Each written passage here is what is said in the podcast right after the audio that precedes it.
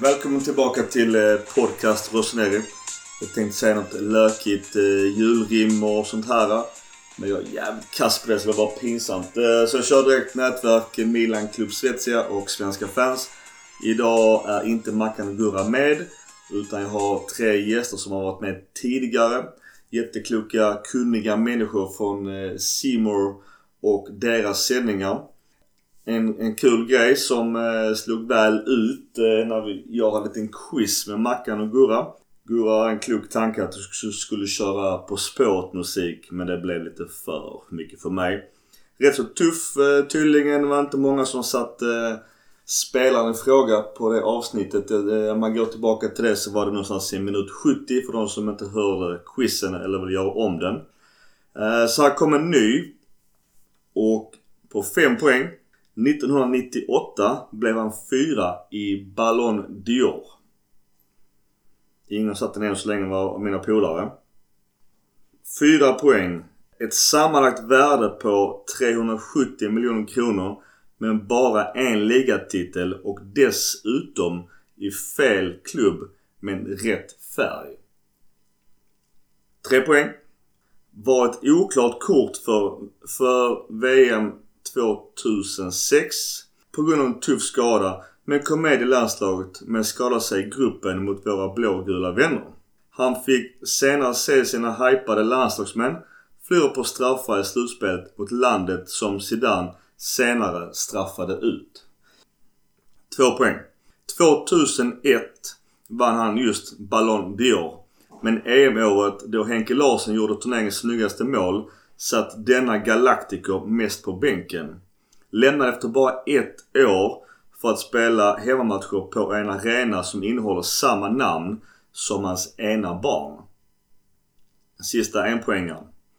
Från att vara hyllad på koppen som stadens lillebror jämfört med den äldre blåa rivalen till en utskrattad nummer 7 med ett pay and play-kontrakt hos värsta rivalen. Får se hur många poäng ni kan. Jag tycker vi bjuder in eh, första gästen som är Mattias Concha som följs där av Vicky med och därefter sist Ola från Fotbollslabbet. Välkommen tillbaka Mattias Concha. Tack så jättemycket. Tack för senast by the way. Tack själv. Mycket trevligt. Du, vi pratade lite här kort. Eh, du verkar ha det jobbigt nere i solen. Ja, man måste byta solglasögon då och då för att det, det är riktigt, riktigt jobbigt. Ja, vi ser ju inte ens solen i Sverige. Skämt åsido så är det ett väldigt härligt klimat här och det är väl det som är anledningen att man bor här. Att just vinterhalvåret eh, ger lite sol. Det är jävligt lyxigt. Du är gammal MFF och Bochum med mera landslaget eh, även nu också diskuterar och kommenterar Serie A. Så du har ju lite koll på, eller kanske mycket koll ska jag säga, på, på Serie A och eh, Milan i synnerhet. Ja men det har jag ju. Det, det är det enda jag kommenterar på tillfället. Så att, eh, det är en liga jag följer väldigt nära och Milan har jag kommenterat eh, väldigt mycket sista halvåret också. Så att eh, jag tycker man har ganska bra koll. Vågar du dra någon eh, någon summering på antingen 2020 eller dina senaste sex månader? Alltså summeringen är egentligen samma som alla Milan-fans och egentligen alla fotbollsfans som, som följer ligan kan se det är att det, det har skett en drastisk förändring. Det, det är ju ett mynt som har vänts om helt enkelt. Eh, ett lag som inte alls fungerat, ett lag som, som sett deppiga, ängsliga, riktigt, riktigt dåliga ut eh, har helt plötsligt vuxit, blivit mogna och eh, nu faktiskt aspirerar på scudetton. Så att det är en eh, jättefin utveckling, verkligen. Kul att se och ett lag som Milan tycker jag, som man har följt sedan man var liten, eh, ska vara uppe och kriga och ska spela i Europa. Helt klart. Bara en parentes. När du tänker på gamla Milan, vilka namn är de som ploppar upp först i ditt huvud? Men det är väl Maldini såklart. Det var ju en, en kille som till och med satt i pojkrummet på, på en plansch. Det är mäktigt. Um, och, ja, och eh, det är ju det är en stor ikon i Milan såklart. Eh, och jag, jag kan gilla den typen av spelare. Jag gillar, jag gillar spelare som inte alltid måste synas eller ta plats. Jag gillar jag gillar spelare som, som visar på planen eh, hur det ska gå till och inte behöver ha så mycket drama runt sig i sitt liv. Vilket, du får rätta mig om jag har fel, men Maldini är väl en sån kille som är lugn och trygg och, och spelat för ett lag hela, hela sitt liv och, bara gjort fantastiskt bra insatser och inte behövt hävda sig så fruktansvärt mycket utanför banan. Är det inte så? Jo, det är väl Pogbas raka motsats. ja, ungefär. Men, men den typen av spelare tycker jag är härlig. Jag tycker Xavi, Iniesta, lite lugna killar som inte behöver så mycket uppmärksamhet utanför. Men på planen är de riktigt, riktigt bra. Alltså. Jag håller med. Jag håller med. Men jag tänkte om vi uh, går tillbaks till uh, sista halvåret här nu. Det har ju gått, uh, ja, ingen har missat att det har gått jävligt bra för Milan, vilket är jävligt gött såklart. Men har, har du någon nyckel du ser på det har gått bra på grund av det här? Såklart Zlatan och Kjär att det har gjort stor impact. Men är det något annat du ser? Eller vilken nytta gör egentligen Zlatan för Milan? Som vi har pratat om så himla mycket så det är klart att han kommer in med mentaliteten, han kommer in med självförtroendet. Han kommer in med att andra lyfter sig, hans närvaro och allt det här. Det har vi redan pratat om. Mm. Eh, men nu har han ju också börjat producera mål längst fram och jag menar, man märker lite grann nu när inte han spelar Rebic är ju duktig i all ära, men han är inte den riktiga kanonen längst framme. Och det där tycker jag Milan borde ha en bättre backup än, än Rebic. För att man har sett, de klarar sig bra utan Milan, men de sista matcherna här, det är ändå två kryss där man har saknat den lilla spetsen. Man spelar bra fram till straffområdet, bollarna kommer in. De bollarna som Zlatan kunde ta hand om i huvudspelet, den huvudspelaren finns inte riktigt idag. Och när lagen backar hem och det blir trångt, ja då är ju egentligen sista utvägen att börja lägga in bollar. Och där har de inte den riktigt starka spelaren idag, tycker jag. Så att det är klart att i, i, i vissa matcher så, så lyser det starkare hans frånvaro, måste jag säga. Även om laget såklart gått bra utan honom. För det känns som Milan var nog lite naiva och trodde att Colombo redan nu skulle vara vice Zlatan och det har ju inte av förklarliga skäl funkat alls. Och Leao uppe har inte heller funkat och Rebic är ju jätteduktig på sin vänsterkant men absolut inte anfallet som du säger. Nej men så är det. Leao är också en spelare som jag tycker är bäst eh, på en kant. Där han får utmana och komma förbi. Och eh, egentligen båda, båda kanterna. Men vad just med Leao, för han är lite som vattendelare. Vissa tror att han är någon Niang 2.0 som inte blev någonting alls. Eller ser du att han har potential att bli någonting större eller är han en breddspelare Serie A-mått? Alltså jag ser ju en jättestor potential i honom. Men vad, vad, vad jag tycker han fallerar mycket det är speluppfattningen. Alltså han, han tar ofta fel beslut. Han har ju snabbheten som han lever på. Men Timingen ibland i hans dribblingar är lite fel. Ibland han ska släppa bollen är lite fel. Ibland tar han fel avslut. Ibland släpper han inte bollen där han ska i en kontring och så vidare. Så att jag tycker han, han har mycket att jobba på när det gäller speluppfattningen. Men Å andra sidan har man Pioli som, som tar hand om spelarna. Jag tror att Pioli kan göra mycket med en spelare. Pioli har ju fått andra spelare att växa jättemycket. Benazer tycker jag har tagit jättekliv. Jag tycker Kessie har tagit jättekliv. Han såg för ett halvår sedan ganska yr ut och tog mycket felbeslut nu. Han är ju helt plötsligt en, en cementerad spelare i, eh, i, i Milans lag som, som är väldigt, väldigt nyttig. Att sig in ännu mer i straffområdet än vad han gjorde innan. Innan var han mer balans, tycker jag, där han han hjälpte till. Nu tar han sig in mer och sen så har han visat att han är duktig också på straffar. Det är ju två spelare och sen Calabria, jag måste ju bara framhålla den spelaren, tycker jag har tagit eh, jättebra eh, bra kliv, speciellt i sin defensiv. Jag tror han har fått en väldigt fin eh, fysisk uppbyggnad under sommaren för han ser mycket snabbare ut än vad han gjort innan. Hans svaghet är ju inläggen såklart. Eh, hade han haft en, en, en bra inläggsfot så, så hade han kunnat eh, ta ännu mer kliv såklart. Men han använder sin potential eh, så bra han kan tycker jag. Jag håller helt med dig. Och just eh, Kalabi vill jag också nämna för att han är också en sån vattendelare och jag menar på hade man sett utifrån förutsättningar en egen Primavera-spelare som älskar sin klubb som förlänger utan en enda krona i löneökning. Som har gått tillbaks till att bli en cementerad startspelare och även med i landslaget. Och ändå så får Calabria märkligt mycket skit. Och de som ja, tänker jag så. Jag tror det är jättebra att du tar upp just honom för att jag vet inte om folk bara sa för att han har ett sexigt namn och, eller osexigt namn och en ganska stabil tråkig spelare. Men jag tycker att han får mycket oförtjänt skit. Ja, den skiten har inte jag tagit så mycket del av. men om du säger så, så, så är det väl så. Men jag tycker inte att han förtjänar skit. Han har ju ändå satt Conti på bänken. Och förra året så höll de ju på att spela lite hälften hälften ungefär. Men nu har han liksom petat bort honom och är ruskigt stabil måste jag säga. För att inför säsongen så var det en sån, ett frågetecken som jag satte. Ytterbacken, speciellt i höger. Hernandez är ju stabil, han gör det bra. Han har också vässat sin defensiv, tycker jag. För att han fanns ju en del tillfällen förra året där han riktigt verkligen brast i defensiven. Så det har ju de jobbat mycket på också. Men, men Calabria tycker jag är klockren där ute. Eh, som jag sa, han har bara haft en lite bättre inspelskvot så, så hade han varit en ännu bättre spelare. Men han är solid, han gör få misstag, han eh, jobbar bra ihop med, med mittbackarna och han gör det han ska defensivt. Så vad mer ska du begära?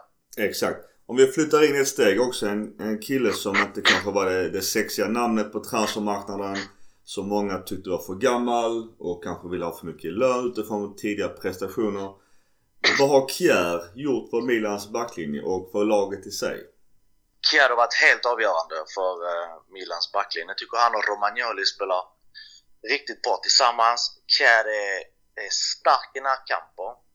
Han är väldigt, väldigt följsam. Han är snabb på att uppfatta situationer. Han är bra på att ställa offside med Romagnoli och så vidare. Så att det är en spelare som med sin uppoffrande spelstil också skapat stabilitet. Och egentligen hela centrallinjen i Milan blivit bättre. Jag tycker där bak fungerar Kjär jättebra. I mitten har Kessie och Benazer verkligen eh, blivit kompakta och duktiga. Och så längst fram Zlatan. Så hela centrallinjen har förstärkts otroligt mycket. Och det som jag brukar säga i vissa sändningar, det som, det som har gjort Milan bra, att de har fått ordning på defensiven. De har börjat bygga nerifrån. Och när man börjar bygga nerifrån och får ordning på, vänta, de kommer inte till så mycket avslut mot oss. Ja, men då kan vi börja trycka fram folk och har man då Zlatan som pärlan längst fram som kan göra det oväntade och som gör de här målen och assisten. Så det är ju en vinnande kombination. Du som utifrån din eh, landslags högerbackskompetens. Hur avgörande tror du att, eh, att det är en ganska hårt arbetande Selemakers framför högerbacken i Calabria och en jätteduktig mitt högerback i Kjär i, i den eh, triangeln på den sidan. Hur avgörande är det i den, som du säger, den här defensiva styrkan? Ja men jätteavgörande. Jag vet ju själv hur det är att spela med en spelare framför sig som jobbar så hårt. Alltså, eh, Selemakers insatser i mina ögon är, är, är, jättestora. För att han, han löper som en Duracell-kanin. Han jobbar stenhårt framåt. Han låter liksom inga bollar rinna ut utan han kämpar in varenda boll. Och det är signal också till laget att fan, här måste vi lägga ner jobbet. Och han är precis en sån signalspelare. Att här går vi in i duellerna. Han är ju ettrig. Och plus att han hjälper Calabria jättemycket i defensiven. Som gör att Calabria också ser bättre ut i och med det. Så på högersidan så eh, med Kjär Calabria och Selemakers så ser det ju stabilt ut. Det är kanske lite mindre hemjobb på andra sidan.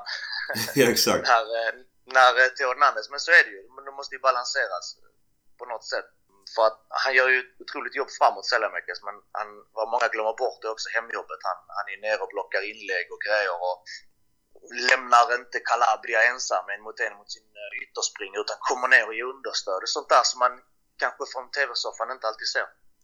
Och jag tycker det är jättebra att du säger just det här med, med, balansen för det är helt avgörande i ett, ett fotbollslag. Och om man ser den andra triangeln då med Romagnoli, Teo och eventuellt då antingen Rebic eller Leao på, på vänstersidan. Den är mycket mer offensiv och de gör också mer poäng. Men det är också mycket för att balansen som du säger till högersidan är ju mer defensiv inriktad och gör det stora jobbet. Ja men så är det ju. Och sen så det är klart att när då vänsterkanten sticker iväg då måste ju laget flytta över och täcka till. Det är därför kanske inte det blottas på samma sätt för att då har man ju sagt till okej okay, men när ni går, jag vet att vi inte får samma hemjobb av Leao som vi får av Selemakers men då måste vi täcka till, då flyttar man över hela laget och så kommer Selemakers in och så trycker Calabria över Romagnoli går in som vänsterback så att det blir som ett, som ett block bakom där. Och det är klart att det är inövat ju. Det är därför de släpper till så mycket, eh, så lite målchanser. För att de vet om att här kommer inte samma eh, defensiva jobb göras i till exempel i kontringar när man har tappat bollen på vänsterkanten. Rup, flyttar hela laget över och täcker till. Det är den balansen du pratar om som behövs. Att, eh, att ha en sida som man vet går jättemycket och en sida som är, som är lite tryggare. rätta mig om jag har fel, du som ändå är ett gammalt fotbollsproffs. Men att fotbollsplanen i sig rent taktiskt delas upp kanske i olika sektioner och ytor. Och då har vi då den centrala linjen, alltså det vill säga en fyrkant med Romagnoli, Kjär, Benasser och Kessi. Hur tycker du att de fyra sköter allt? Dels den egna defensiva uppbyggnaden och eh, försvaret och överlag hur det påverkar laget framöver offensivt?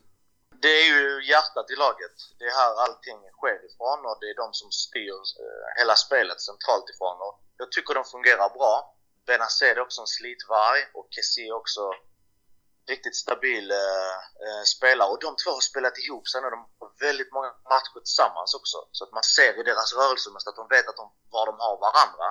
Och det blocket ger ju resten av lagen möj eh, laget möjlighet att, att gå mer offensivt när man vet om att de här ligger och balanserar. De rör sig fram och tillbaka. Så att de, eh, de öppnar upp för resten av laget att ha lite mer fria tyglar. Så att eh, det är också helt avgörande det blocket. Kan inte du fråga, det var ju transfer som kom här om några veckor bara. Hackan på väg ut, vår nummer 10. Vad, vad, vi pratar såklart mycket om en vice Zlatan. Vad tror du skulle kunna passa in antingen spelartyp eller kanske spelare in i Milan utifrån det, vår realistiska mått på vårt hyllplan? Jag tänker väl så här, det senaste jag läste var väl att Hackan eh, pratade om en förlängning. Eh, skulle inte en förlängning komma så klart är ju den positionen intressant. Alltså, jag skrev på Twitter häromdagen, tänk om Papu Gomez skulle hoppa in där i januari. Alltså vilket lyft det hade varit. Han, han bor i Bergamo och han kan eh, spela i Milan då. Jag vet att många lag redan har dragit honom. Eh, mm. Det är bara en grej. Nu vet jag inte riktigt om, om Hakan har tänkt sig att sticka. Men eh, såklart att det är en lucka som måste fyllas och den spelaren hade varit klockren. Zlatans frånvaro är lite oroande. Nu kom ju uppgift att han skulle vara borta ännu längre än vad vi hade trott. Jag tycker att man måste börja titta lite där på, Eh, på en ersättare som är, som är bättre än Rebic centralt. Och sen så tycker jag även att kanske en mittback till av, av riktigt bra klass skulle behövas för att säsongen är lång och det behöver roteras. Kjär Romagnoli, det kommer slitas på. En skada till så måste man in med Gabia och jag tycker inte Gabia i all ära, han är duktig men, men det behövs en riktigt bra mittback där som är klassen bättre än Gabia för att nå ända fram. Och som sagt, det är ett lag som också är ganska känsligt för skador. Så att eh, kanske ska man titta på en mittback. Mittfältet känns, eh, känns bra. Sellemakers eh, och högersidan känns också ganska trygg och man har väl hyfsad uppbackning där också. Så att det är väl de positionerna jag skulle kika lite extra på. Men jag, jag är osäker om det kommer att ske så himla mycket Milan nu i januarifönstret. Men vi får se. Två frågor. Tror du att man letar i så fall en, en Zlatan ersättare som har så mycket av hans egenskaper som möjligt eller tar man bara en random target på en nivå där man kan hugga och sen så då tillbaka till mittbackar. Vi följer såklart även MFF, och svenska mästare. Är Anel, är han redo för den uppgiften? Det är ju rykte om honom både till Milan och Chelsea med flera. Oj, bra fråga. Nej, men jag tycker absolut att man ska försöka titta på en, en, en spelartyp som påminner om Zlatan. Eh, man ser också i uppspelsfasen när Milan är pressade, när man försöker slå upp bollen på Rebic för att ha en exit ur pressen, att han kan inte riktigt hålla i den på samma sätt. Och den här stora starka spelaren, typ Lukaku, Zlatan, Dzeko, de, de här är så värdefulla att ha i laget just för sättet att behålla bollen, flytta upp laget, kanske ta en frispark, komma ur pressen. Och har man en svag mottagningsspelare, då drar sig laget till slut från att spela upp de här bollarna. Då försöker man rulla ut istället eller slå en långboll som, som rinner ut till, till motståndarna igen. Så att jag skulle nog satsa på att försöka hitta, jag kan inte komma på något namn just nu, fast det finns ju en spelare, jag, jag gillar ju Belotti. Mm det, det, är en spelare som jag, som jag verkligen gillar. Han är stark i kroppen, bra mottagning, rivig, djupled. Han är ganska komplett tycker jag, ganska bra på huvudet. Det är en sån spelare som inte är den, den spelaren som är 1,96 men en spelare du kan slänga upp bollen på och han kan hålla i den. Det är bara ett exempel. Mm. Han, han, han är en fantastisk spelare. Ja, jag, jag, jag har alltid gillat honom. Så, så det är en spelare som jag tycker är nästan värd att spela i ett bättre lag än Torino det förvånar mig mycket om han skulle vara kvar där jättelänge. Angående mittbackar, jättesvårt att säga. Jag tycker Anel är en, en väldigt duktig spelare. Så varför inte? Ibland tror man att de inte klarar av det, men när de sätts i den miljön så klarar de av det hur bra som helst. Med sin snabbhet, med, med sitt lugn och, och absolut en spelare som i en miljö också kan växa. Jag menar, får han träna med de här spelarna varje dag, då växer han också som, som fotbollsspelare. Så varför inte, skulle jag säga. Eh, han har ju redan bevisat att han, att han klarar det i bosniska landslaget med, med toppspelare och mot, mot eh, internationellt motstånd. Så why not? Jag bara tänkte på hypotetisk fråga. Du som också själv är gammal sportchef. Man har då just en kapten i Romagnoli som är ganska ohotad trots svagare insatser på senare. En äldre rutinerad Kjär som i mitt, mina ögon faktiskt är vår bästa mittback. En ung lovande Gabia och sen så, ja, Duarte, Musacho och sådär. Det, det är väl ändå på väg ut. Tänker man att man köper in ett äldre säkert kort som kanske har lägre transfer, som roterar. Eller köper man in kanske en ung lovande likt Anel som kanske kostar mer pengar eftersom han betalar mycket utifrån potentialen? Eh, jättesvårt att säga. Alltså, sen, sen får man inte glömma att som sportchef så vill man, man vill ju inte, man vill inte tappa identiteten heller. Man vill ju, eh, eller jag vill i alla fall ha så många egna produkter som möjligt och jag tror att Milan också prioriterar det. Det finns ju lag som, som inte alls bryr sig om egna produkter utan tar in utifrån och fyller på och säljer. Det finns, det finns helt, olika, helt olika taktiker i hur man bygger lag. Men, men att ha Gabia där är inte fel. Men jag tycker inte han är så pass bra att han, eh, att han kan ta det här, alltså att han, han kan ta eh, Milan ut i Europa och de riktigt stora matcherna kommer han blotta sig. Eh, tror jag, för att han är ung och han, och han behöver mer tid. Det är därför jag tror att en, en, en ännu bättre mittback som ändå kan tänka sig sitta på bänken för Romagnoli och Kjär kommer vara nummer ett, men ändå en spelare som, som man kan rotera på och veta att här får man riktigt bra kvalitet. Men jag tror också det ligger lite i Milans intresse att ha egna produkter där. Så att så länge Gabi är där och man är nöjd med det, detta är bara mina idéer. Så hade jag, hade jag suttit och haft Gabia så hade jag kanske också tänkt att ja, men det är bra, han är vårt... Uh, han kommer från, från våra led och så vidare. Men eh, det är klart, en skada och sen så måste man rotera laget och då kan det bli försvagat. Så jag tror att de ändå har ett, ett krav på sig att ha x antal spelare i truppen från de egna leden. Det, det är svåra frågor men just mittbacken, det finns andra positioner också som man kan, man kan titta på såklart. Just där du säger det inre cirkeln i lagen, även som sportchef, ledning och allt det innebär. Det var ju diskussioner och det tog vi när vi eh, snackade sist om Ragnik eller icke.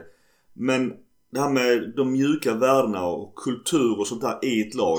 Hur avgörande är det? För många någonstans kanske bara tror att det är dra igång ett football manager och köpa och sälja och byta startelvor till 7-8 spelare och att det ska funka ändå. Hur, hur tror du man tänker där? Eller hur var ditt resonemang? Eh, när det gällde Ragnik-historien eh, eller? Ja men även då just eh, de här mjuka värdena att, att göra stora skiften i trupper eller ledningar. Hur det kan eventuellt påverka. Ja men det är klart att eh, man måste verkligen ta sig en funderare. Och eh, jag tror att de mjuka värdena är viktigare än vad man tror. För att i föreningar, det finns ju DNA som man ska respektera. Det finns traditioner som man ska respektera. Det finns folk omkring eh, ledningen som man ska, ska lyssna på och, respektera. Så man vill ju inte tappa helt eh, och bli ett eh, sönderköpt lag. Utan sen måste man också ta hänsyn till supportrar, att man ska ha dem med på resan och så vidare. Och så vidare. Så jag tror det är mycket mer mjuka värden eh, som är viktigare än vad man tror. Så att där har ju Milan, alltså med sin historia och, och med allt vad Milan står för, måste vara väldigt försiktiga eh, så att man behåller, behåller rätt riktning. Att komma som tysk in från Red Bull koncernen in i Milan och ska vända upp allting, upp och ner på allting och kontrollera allting från, från eh, skolfotbollen till vilken sponsor ska sitta på tröjan som han har gjort. Jag tror det hade blivit en liten kulturkrock där. Så jag tycker de gjorde rätt i att behålla eh, Pioli och ge honom tid. Och vi ser också vad han har gjort med laget. Han, har, han, är ju, han är ju en tränare som är väldigt omtyckt. Han är en tränare som får spelare att växa och man märker att tiden har gjort, eh, gjort honom gott med klubben.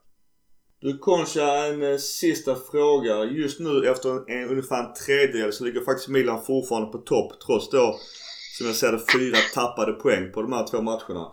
Vad kan tala för att Milan är kvar på toppen när det gått eh, alla omgångar eller att i alla fall vi är på en topp 4 placering? Det viktigaste för Milan, vad de har gjort bra, är att de, de förlorar väldigt sällan.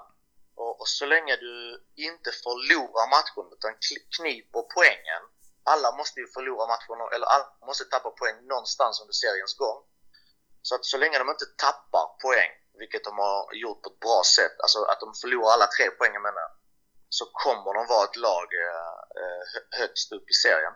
Nu, nu när Juventus också inte heller är på topp, topp, topp utan är en bit bakom och, och Inter ibland tappar poäng och så vidare. Så det är ju ett jätteläge att fortsätta mala på och, och, och inkassera poängen.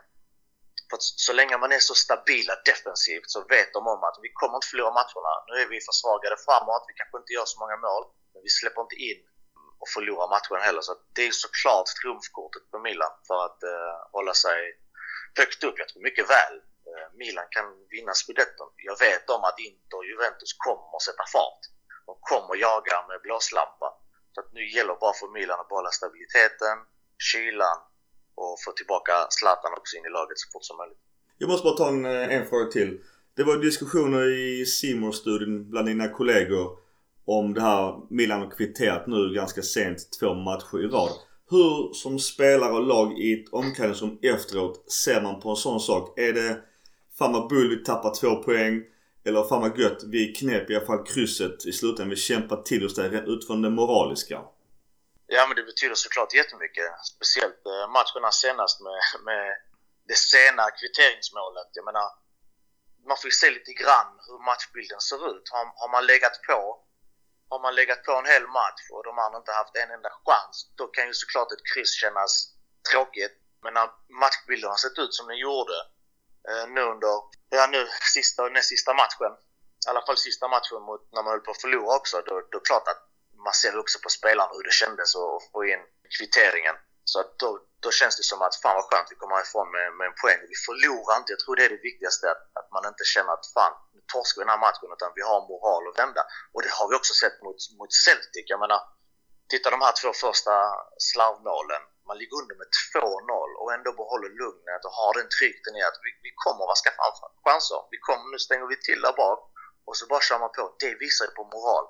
Och jag hade med mig den matchen, jag kommenterade matchen efter där och då hade jag den på näthinnan att fan, det här är ett lag som mår bra. Man ser ju att det gör ingenting. Gör ni två mål på oss, vi kommer göra tre här nu. Och så, och så höjer spelarna sig precis så pass mycket man behöver för att vinna matchen. Utan att, utan att glänsa. Ja, tack och lov. Jag håller med och det är jävligt gött att se att Milan är just så pass stabila i sig själva idag. Det är inte den ångestladdade fotbollen. Ja men så är det. Vissa lag som inte mår bra. Jag har spelat fotboll så länge och jag märker direkt på blickarna på spelarna, man ser kroppshållningen, man ser hur den går in i press, man ser att de, att de har ångest och är nedbrutna av att ligga under. Och de lagen som mår bra, de har en helt annan, en, en, en helt annan kroppsföring och en helt, helt annan eh, tension i kroppen. Vad heter det? När man, man ser liksom hur de, hur, de, hur de går in i dueller, hur de, de löper, hur de får med sig folk. Ja, men det är en annan taggning, även om man ligger under. En spänning, där har vi ordet. Det är en spänning i kroppen. Och den spänningen i kroppen på ett lag som inte mår bra, man ser liksom hur de hänger lite och de missar press och så går de tillbaka liksom istället för, för att springa. Så att Milan är ett, ett, lag som mår bra, det ser man på, på många aspekter. Även, även spelare som kommer in, det är också ett tecken som, som man har, har lärt sig under, under åren. Spelare som kommer in, att en, en, en tränars stora uppgift är ju att hålla hela truppen motiverad. Och det är alltid de elva som spelar håller du ju automatiskt motiverad. Men bänken, att hålla en bänk motiverad, det är, det är ju tränarens stora uppgift. Och där ser man också att laget mår bra när bänken mår bra, när de kommer in med, med energi och de bara går in och vill, vill påverka matchen. Det är ett tecken också på att tränaren har gjort ett bra jobb. Det är som Klopp. Titta på när Klopps avbytare kommer in. Han ger dem nästan en kram och vet, de står och bara hoppar och vill in. Um, det är sådana små signaler som man får att fan, det är ett lag som mår bra. Det är inte någon avbytare som står, står och hänger sig. Vad fan fick inte jag spela för? Utan det är en helt annan energi i laget. Jag måste bara ta en följd på den också.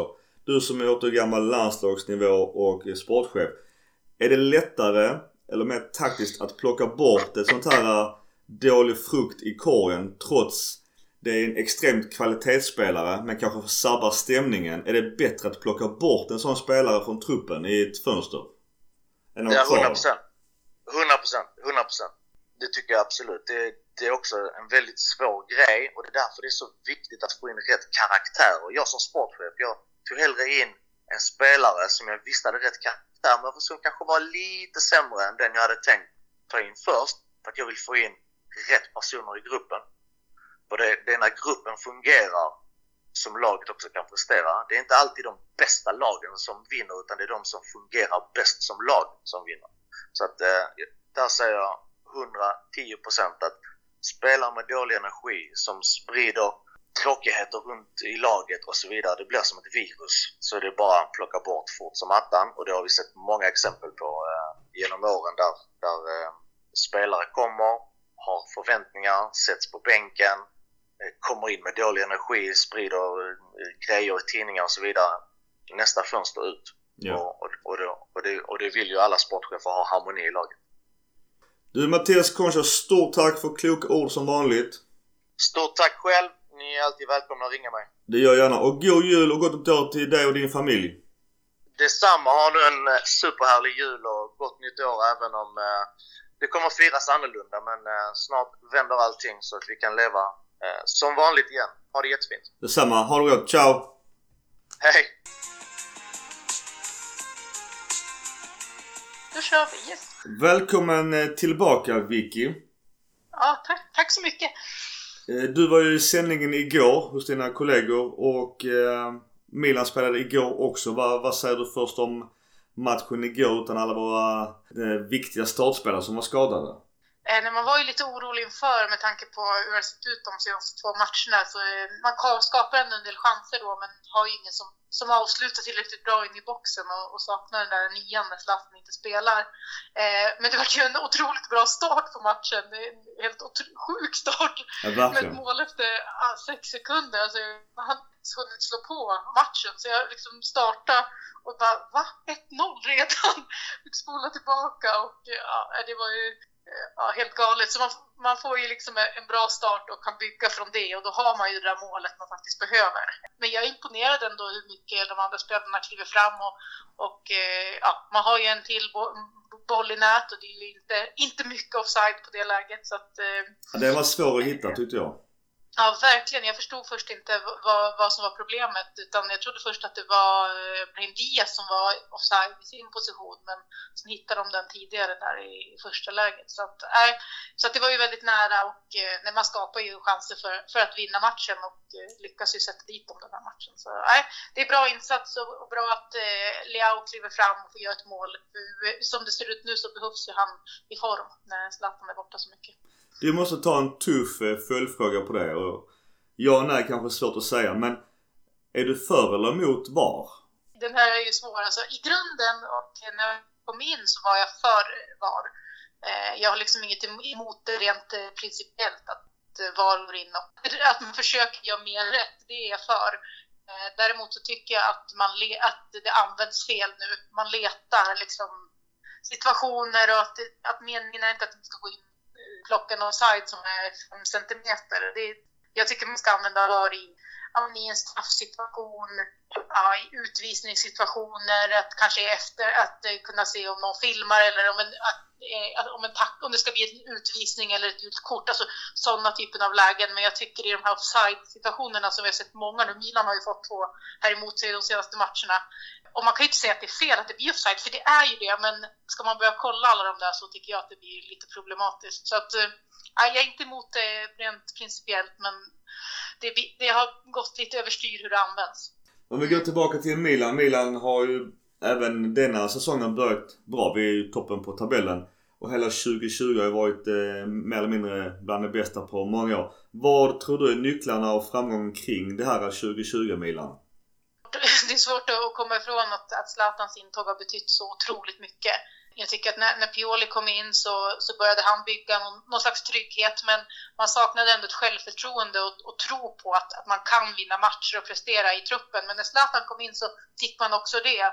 Och ja, men den tryggheten med Pioli och de kraven och den eh, vinnarmentalitet som kom in med, de två har liksom gift sig ihop på ett väldigt bra sätt och gjort att, eh, att spelare som vi har liksom sett tidigare, som vi har sett potentialen i, men som inte har klivit fram och, eh, och presterat på den nivå man har hoppats, de göra det med den här större tryggheten, en tydligare taktisk spel och med Zlatan då som, som bär laget och hjälper laget framåt. Eh, och sen liksom när man börjar vinna på det sättet så match för match har ju självförtroendet lyft spelarna och man har liksom vågat mer och man tror mer på att man kan vinna.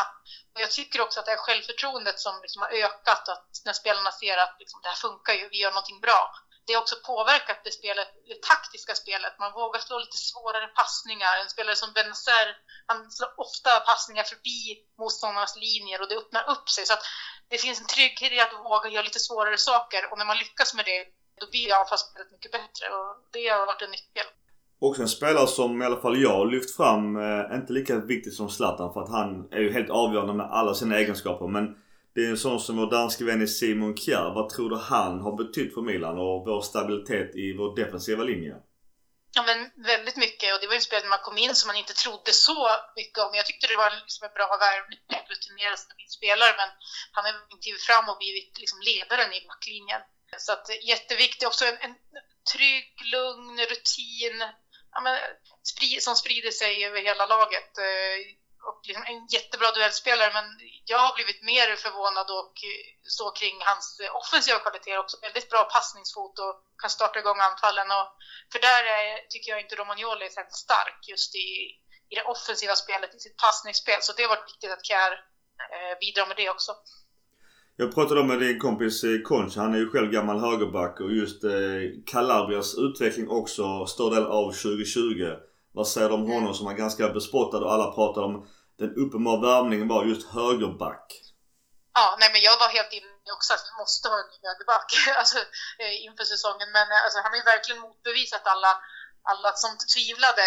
Sen, är, sen har han ju sina begränsningar. Han gör alltid ett hårt jobb. Eh, han har varit eh, liksom aggressiv och bra och, eh, och eh, utvecklat mycket. Sen, sen har jag svårt att se att han ska bli liksom en världsback på den där högerpositionen. Ska Milan liksom upp till världstoppen igen, då behöver man, kommer man ändå behöva en bättre spelare. Men liksom i läget nu så, så utför han sin roll på ett bra sätt. Eh, det enda jag tycker han, han brister en del på det, det offensiva passningsspelet och besluten ibland där han, där han misslyckas. Men han har ju varit väldigt stabil och eh, har varit uttagen i landslaget också och det, och det förtjänade han. Så att, eh, ja men, blivit en klar etta där på högerbacken och där behöver vi liksom inte panikvärva någonting som jag trodde tidigare. Just då, då den sidan med, eh, som jag pratade åt med Concha med, som en triangel med Kjär som höger mittback, Calabria och Selmark. Det är ju inga stora namn någon skulle ha för Nej. sig i en drömelva. Men tillsammans åt det här kollektivet och löpningarna. Det har hänt ganska mycket positivt med spelare som, alltså Selmax var ju no-name och hans utveckling ja. är också enorm. Och vad, vad, tror du om honom och själva den triangeln där? Ja, nej, men det är precis som du säger, det är, det är inga namn som man liksom, oj, ska de här spela i Milan? Inget man tänker, och Selemakers var det väl ingen som hade koll på när han kom in i Milan. Men han har ju vuxit extremt mycket och eh, där ser man ju också liksom en självförtroende match för match, insats för insats så, så tar han steg framåt. Ja, men det är ett samarbete. Jag tycker ibland är, är Calabria, han är lite het och kliver fram och ska bryta, men då är oftast Kjär där bakom och täcker av.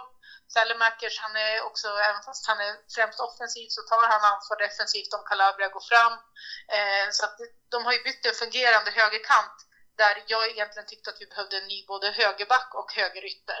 Men eh, som det ser ut nu, man leder serien och de har faktiskt liksom presterat. Så, så det är en jättepositiv överraskning och gör att Milan inte behöver liksom lägga stora pengar där just nu ja, men för att liksom nå Champions League. Utan jag tror att, att de här eh, kan lösa det för Milan. Återigen, vi överst tabellen och eh, ett transferfönster närmar sig. Var och kanske vilken spelartyp tror du Milan vill eh, köpa in och vad, eller vad hoppas du att vi köper in utifrån vår eget hyllplan?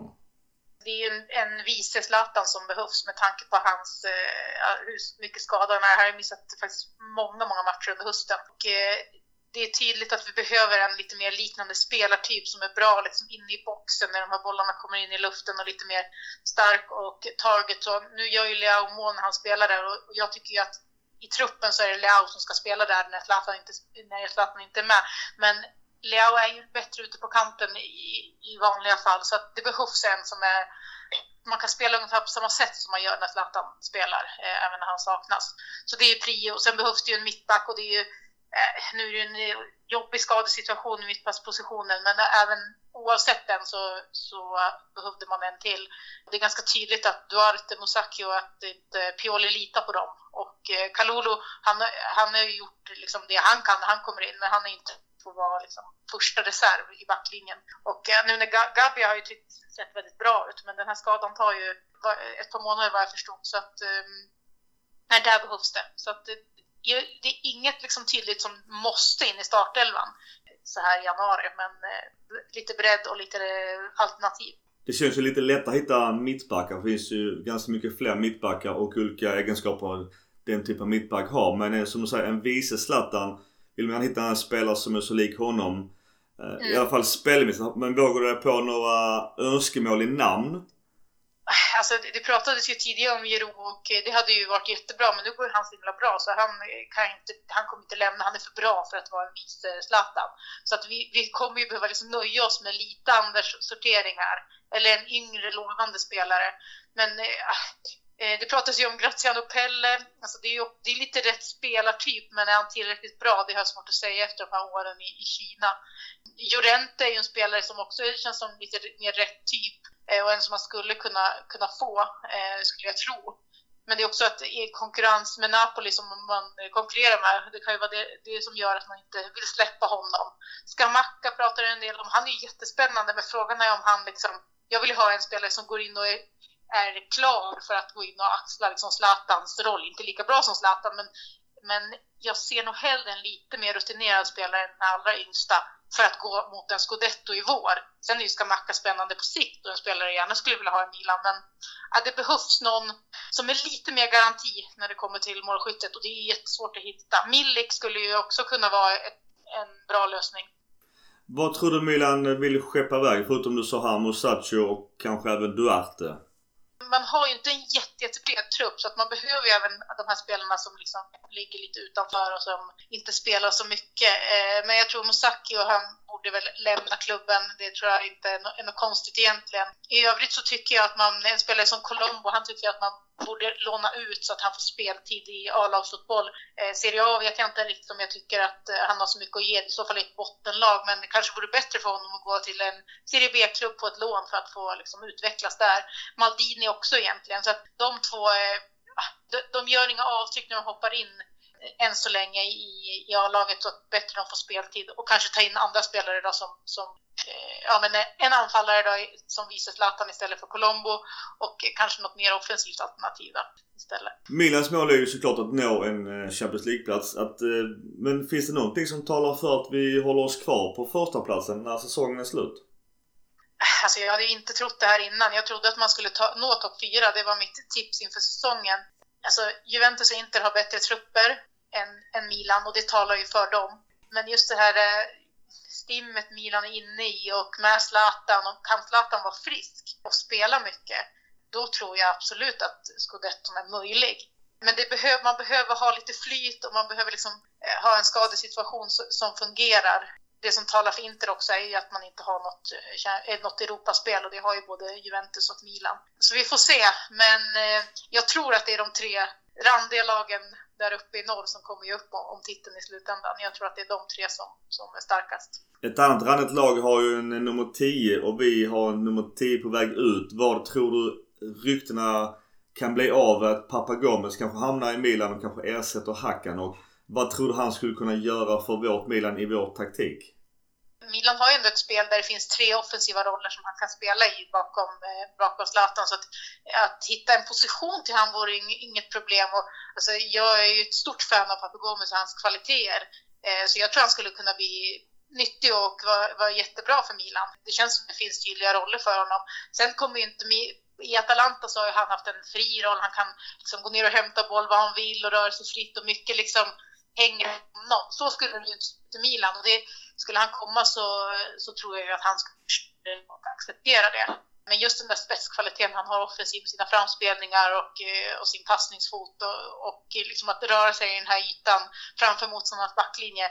det är klart att Milan skulle ha nytta av det. Eh, så att det vore ingen, ingen dum värvning om man kan liksom lösa det på ett ekonomiskt eh, bra sätt.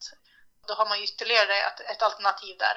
Även om jag tror att Calhanoglu kanske kommer bli kvar. Jag, ty jag, tycker ändå känslan är det hittills. Men ja, vi får se. Sista frågan och jag vet inte om det finns mörka moln på himmelen. Men det är vår målvakt i Donnarumma. Kommer han förlänga eller vad, vad, vad gissar du den här soppan med honom och Raiola och hans kärlek till klubben? Jag tror att det hänger på Champions League-spel ganska mycket. Når vi Champions League så är jag rätt säker på att han stannar. Men gör vi inte det, då vet jag inte om han känner att jag måste nog lämna. Han verkar ju vilja stanna, det, det, tror jag verkligen att han vill. Jag tror han vill att det är Milan som han ska spela Champions League. Men jag förstår också att han är liksom mån om sin karriär. Så jag, jag, jag tror att det är det det kommer, kommer hänga på. Eh, når vi Champions League blir han kvar, gör vi inte det, då är jag lite rädd för att han försvinner. Eller lite rädd, jag är väldigt rädd för att han försvinner, tyvärr. Vicky, stort tack och fortsätt göra ett jättebra jobb i simor studion Ja, tack så mycket. Det är roligt att vara med och prata lite, absolut. Och god jul och gott nytt år till dig och hela din familj. Ja, tack detsamma. Tack detsamma. Så får vi hoppas vi är serieledare när, när, det, blir ny, när det blir nyårsafton också och fortsatt in på 2021. Verkligen. Vi får ta en eh, summering till sommaren och se var, var vi landar någonstans. Absolut. Det låter bra. Ha det gött. Tack så mycket. Ja, tack själv. Ciao. Absolut. Kör vi. Okej, välkommen tillbaka Ola från Fotbollslabbet och Fotbollskanalen. Tack så mycket. Du var ju i sändning igår som dina kollegor i Mattias Concha och Vicky som också varit med här tidigare. Och Milan såklart. Vad har du att säga spontant utifrån dina egna personliga åsikter? Nej men alltså det är ju som jag tror vi har varit inne på under hösten. Vi har ju följt Milan ganska nära i höst i Fotbollskanalen Europa. Så det, det är väl det är ju kul. Det är ju liksom, både Milan och Inter är ju med där uppe igen och det är ju jättekul. Det känns som att eh, många som inte har ett specifikt lag vill att Milan ska gå bättre än vad de har gjort på senaste tio åren. Ja men exakt. Och framförallt med tanke på att man klart har Zlatan borta. Fortsätter man vinna det är ju jäkligt imponerande. Du utifrån din, eh, dina statistikprogram och såklart Zlatan. Vad finns det enligt statistiken att säga om Zlatan? Det här kommer ju bli, nu kommer jag nog, vi har ju jobbat, vi har ju gjort väldigt mycket just, just i fotbollslabbet om Zlatan. Det är såklart ett jäkla tacksamt ämne att prata och, och en av de tydligaste statistiska parametrarna, eller vad vi ska säga, där Zlatan ändå är bland de bästa, är ju huvudspelet. Där han faktiskt då till och med liksom går att klassa som en av de bästa i världen i princip. Så det är kul. Man ska nämna en. Sen på den negativa sidan har det väl varit lite sämre, eller eh, straffarna då så här långt. Där han brukar vara. Säkerheten själv. Han har bränt lite väl många. Han har ju gjort det, men han kommer säkert att få fortsätta lägga dem. Sen sätter det sig väl lite i huvudet då, när det går dåligt. Den här statistiken som visar på att Milan, trots Zlatans frånvaro, går bra. Är den bekräftad? Ja, det tycker jag nog att den är. Jag, jag gjorde igår ett litet försök på... Det är ju svårt så här tidigt. Det är ju fortfarande bara en tredjedel av säsongen spelad. Men att titta på hur hur man kan tänka sig att det ska se ut mot slutet av säsongen baserat på hur prestationerna har sett ut så här långt. Och då finns det ju alla anledningar att argumentera för att eh, Milan kommer vara med i toppen. Kanske till och med liksom fortfarande kunna vinna Serie A. Och det är ju även utan Zlatan. Men finns det, om man tar algoritmer och liknande, finns det något program som kan få fram ett resultat om Milan lyckas nå topp 4 eller kanske till och med högre än så? Ja, absolut. I mina, jag gjorde igår i det sista fotbollslabbinslaget vi gjorde i Fotbollssöndag Europa, det var ju sent som, vad kan det ha varit, halv, halv tolv kanske, jag vet inte hur länge vi sen. Däromkring. Så då gjorde jag ändå ett försök på det där och, och då är det ju fortfarande så att Milan kanske rent av just nu är favoriter till att vinna. Men de som tyvärr inte såg programmet, eh, vill du berätta lite om hur det ser ut och vad algoritmerna säger? Ja, absolut. Nej, men då är det, ju, det är ju de tre som är med i toppen nu som också kommer vara med och slåss om det i slutet. Det är verkligen inga, inga konstigheter. Utan det, det vi ser i tabellen just nu är ju de tre det kommer handla om också, tror jag. Det är ju Milan är ett litet förarsäte. Och om jag minns rätt så skulle de hamna någonstans mitten och någonstans strax över 80 poäng när säsongen är slut. Och att det ska räcka då. Lite för att såklart Juventus hamnade ju lite efter i början på säsongen. Så att det kan ju mycket väl vara så att de ändå inte kommer ikapp. Utifrån algoritmer och annat, oftast går det ju lite annorlunda men vad kan då röra om i algoritmerna utifrån Milans prestationer? Nej, men alltså det är ju det som inte går att förutse på statistisk väg och med liksom modellering sådär. Och det är ju såklart vad som händer i transferfönstret som kommer och även såklart hur, hur skadelägena blir i trupperna. Det är ju det som såklart det är det som inte går att förutse. Det får man väl ha med sig in i det att ett lag som Juventus kanske kan göra mer rent värvningsmässigt liksom, om de vill gå för titeln.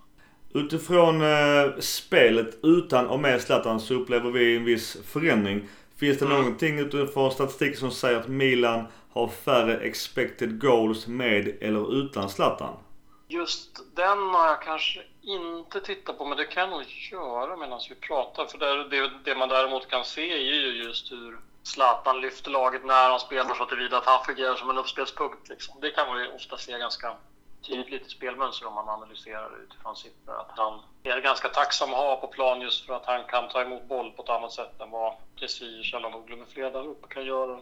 Ja, precis. Det vi också gjorde en analys av vi faktiskt i fotbollslabbet nu här under hösten på Milan. Inte bara Zlatan som har haft en väldigt positiv inverkan sedan han kom utan det har även Simma Kjär haft. Så det kan man ju verkligen nämna att framförallt från det att Kjär kom förra säsongen så, så gick det ju klart bättre för Milan just när det gäller expected goals. Om man tittar på kvoten för emot mm. när Simon Kjär spelade. Det vill säga man skapade fler chanser framåt än vad man släppte till när han spelade. Och det är klart att just i Kärs fall så handlar det såklart mer om förspelet. Men den tycker jag verkligen att man kan nämna också. Ja, för just Simon Kjär är en spelare som inför transfern var många tveksamma till. Men jag tycker ju som du själv säger här utifrån statistiken. Han är ju en extremt givande och viktig spelare för dagens Milan. Ja, eller hur? Det tycker jag med. Det tycker jag verkligen att man kan nämna i det där. Att han är ju också en som har betytt mycket för det här laget.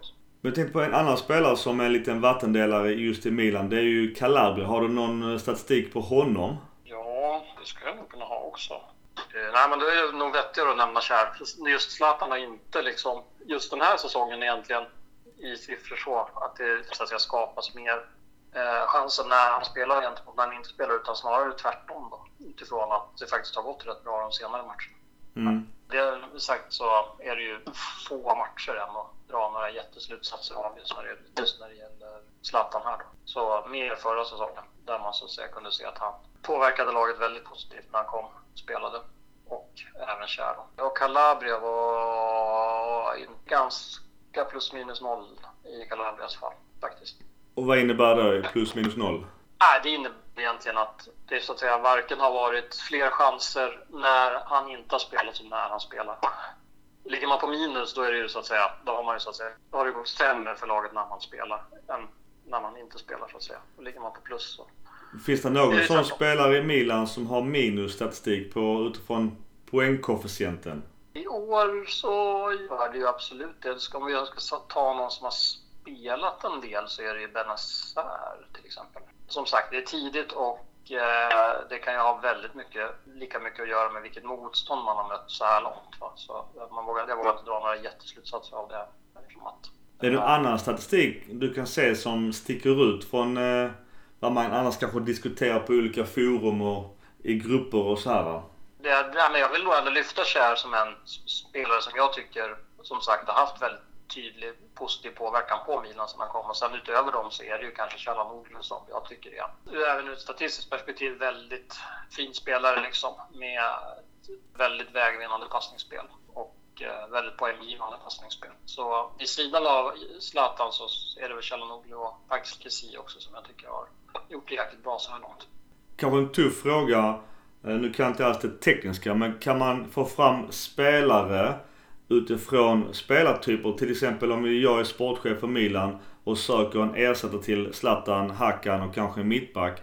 Kan jag ta några, någon data, sätta in i algoritmen och sen så få fram en likvärdig spelare utifrån de algoritmerna? Ja, absolut. Det kan man göra. Det enklaste är ju bara att titta på spelare som har liknande statistisk output. Det är ju ganska lätt gjort. Så jag kan ju leta efter en Zlatan-typ till exempel i eh, andra ligor. Så jag skulle ganska lätt, det kan jag göra nu medan vi pratar. Det ja, jättegärna. kan jag bara dra ut en liknande Zlatan-spelare i jag vet inte vilka ligor vi ska leta i riktigt utifrån. Ja, ta topp 5 eller topp 6 ligor. Ja, vi gör det. Ja, vi gör det. Så ser vi vad vi För det är ju ett ganska tacksamt sätt att söka spelare på. Ja, verkligen. Och leta, leta liknande. Det är det eller football manager. Ja, ja absolut, absolut. Och det funkar faktiskt ändå skapligt tycker jag. Kanske få träff på Maxim Sigalko nu. det borde man ju alltid få. Eller hur? Garanterat målbombare. Ja, ja. Och sen Taribo West som eh, mittback. Ja, givetvis. Vem annars? Ja, Zlatan kanske var ett svårt för det är ju inte jättemånga som liknar Zlatan. Han är ju väldigt unik i Ja, jag kan tänka mig. och så vidare. Så det kanske var. Men kan man skruva lite på parametrarna? Eller det funkar inte så? Nej, inte riktigt. Inte än tyvärr. Lite kul. Jag, jag kollade förra, förra eh, säsongernas Big Five nu och letade efter liknande spelare till Zlatan och då gick ju Oshimen upp. Så där var ju kanske en liten miss av Napoli. Eller av Milan, att han gick till Napoli. Vem sa du? Eh, Oshimen som spelar i Napoli. Jaha. Ja, det är en dyr jävel också i och för sig. Ja, det- han var, fick fram honom här nu som en av de som liknar Zlatan mest. Ja, man får väl bara säga det kanske var jäkligt bra gjort av Napoli att plocka honom. Ja, han har ju petat både Milik och eh, Lorente. Vi nämner, jag tar honom då. Ja, ja. Men det är väl ett helt omöjligt taget just nu. Han är väl alldeles för dyr. Ja, tyvärr blir den svår. Det är något annat i statistiken eh, du kan se som är intressant att eh, förmedla utifrån Milans eh, trupp och poäng? Jag tycker nog att det är som är liksom den här takeawayen. Det är ju att Milan faktiskt, visst absolut, Zlatan är ju, har ju varit helt fantastisk, det vet vi ju. Men jag tycker det man kan ta med sig nu när vi ändå är en tredjedel in i säsongen att Milan är riktigt och att man faktiskt måste ha med dem som en direkt utmanare till kanske främst då Juventus och Inter som det ser ut. Så um, jag kollade och gjorde en projicering nu här idag med uppdaterade siffror och då hamnar Milan på 86 och Juventus på 87. För igår när jag gjorde den i um, fotbollslabbet så hade jag ju inte med de siffrorna som var samma dag där i söndags, men jag har med dem nu. Så, ja, det är faktiskt jättespännande. Inter 85, Milan 86, Juventus 87. Så då skulle det vara en riktig rysare hela vägen in om det står sig. Och det är väl inte omöjligt att tro att det kan bli. Det jobbiga är att det var ett fantastiskt resultat av Milan når dels den poängen och såklart topp 4. Och samtidigt också sjukt bittert att, att vara en poäng ifrån ligaguldet kanske. Ja, ja visst. Ja, visst. Så med det sagt blir det ju en superspännande match där den sjätte när de möts, Juventus och Milan. Hoppas det bara Milan har eh, full ska, eh, skadefri trupp då. Ja, ja, verkligen. Vi har ju vår eh, målvakt som är jagad av alla och har väl gått... Ja. Eh, har han gått bra eller Nej, det- mindre bra den här säsongen? Nej. Det är jättebra att du tar upp det, för det glömde jag. För det har jag också pratat om i Fotbollslabbet. Så sent som igår så, så tog jag fram de bästa målvakterna i Big Five i Europa den här säsongen. Jag lyfte ut Haka lite och lyfte fram Kasper Schmeichel. Lite för att han har betytt väldigt mycket för att Leicester ligger så högt upp som de gör. Så, eh, däremot så är det ju så att bland de andra så är Donnarumma alltid med där, bland de bästa. Tycker jag, ur ett så att säga, statistiskt perspektiv. Han räddar väldigt många chanser åt Milan och på det sättet så vinner man ju en del matcher också. Så jag vill absolut lyfta fram Donnarumma som en av världens bästa målvakter. Det är bra att du ändå backar upp det utifrån statistiken. För vi i vår podcast pratar ju också mycket om mervärdet och alla mjuka värden kring honom och att han är ung och egen produkt och landslagsmålet för Italien. Det i sig kontra då alla de här värdena och statistiken du även bekräftar. Att det gör att han, någonstans ska man ge han vad Real vill ha för att behålla honom eller det, vet, det, det är så mycket kring honom man vill säga. Nej men visst. Och ovanpå det då, ta med att han dessutom är utan tvekan en av världens bästa målvakter och har liksom ur, ur ett statistiskt perspektiv och säkert också stjärnstatus och så vidare. Så jag, jag håller helt med om att han, han ska absolut lyftas fram. Ska du ha en likvärdig målvakt om man nu gör sig av med Donnarumma av olika skäl. Nej. Då kommer det Nej, det- kosta enormt mycket att köpa in en likvärdig nivå. Ja, det är ju liksom Jan Oblak eller någon åt det hållet, typ Jan Oblak. Men jag menar, han är väl i princip omöjlig för Milan, misstänker jag. Ja. Och är, då pratar vi minst en halv miljard. Ja, ja, ja, minst. Antagligen mer. Lite Men billigare så- ger Donnarumma sina 7, 8, 9, 10 miljoner då. Ja, jag, menar, jag tror han är värd det, va? för han är ju superviktig. Och, nej, och just det också som det, jag har gjort de här listningarna i fotbollslabbet ett par säsonger nu när jag tittar på de bästa målvakterna, både i Serie A när Robin Olsson spelade och sen i de stora fem ligorna och, och Donnarumma har liksom alltid varit med bland de bästa. Och det är ju det också, att göra det säsong efter säsong. Vissa kan ju ha en bra säsong när man överträffar de här expected goals-siffrorna och så vidare. Men att göra det varje säsong, det brukar ju ofta vara ett tydligt tecken på att man är riktigt bra och bra på riktigt. Liksom. Det är skönt att få det bekräftat. Mm. Det är jättekul att prata Milan just nu såklart. Just eftersom vi har följt dem så mycket i fotbollssöndag Europa också. Så vi har sett dem väldigt mycket gjort mycket jobb på dem. Så vi får väl följa upp igen framåt våren här. Jag tycker vi gör som vanligt att vi tar ett nytt samtal när säsongen är slut. Så pratar vi mera statistik och fotbollslabbet ja. där och då helt enkelt. Gärna. Men Ola, stort tack för kloka analyser ja. och jag önskar dig och din familj en god jul och gott nytt år. Detsamma. Super. Ha det fett du. Ha det bra. Ciao. Ciao. Det var sista samtalet för denna julspecial. Stort tack till mina tre gäster Eh, återigen i podcast Rosenera. Jag önskar alla er som har lyssnat på oss, mig, Mackan och Gurra det här även detta året. Och extra stort tack till våra vänner i Milan Club Svezia som täckte vårt eh, webbhotell. Så vi kunde fortsätta även detta året som kommer här. Eh, för er som vill eh, ge en slant, en krona eller två för jobbet eller redigeringstiden så är det Swish på 0733 16 20 57. Annars hoppas jag att ni fortsätter lyssna på oss eh, framöver. Om inget annat så återigen God Jul till er alla. Var rädda om er och eh, håll era avstånd som de säger. Forza Milan!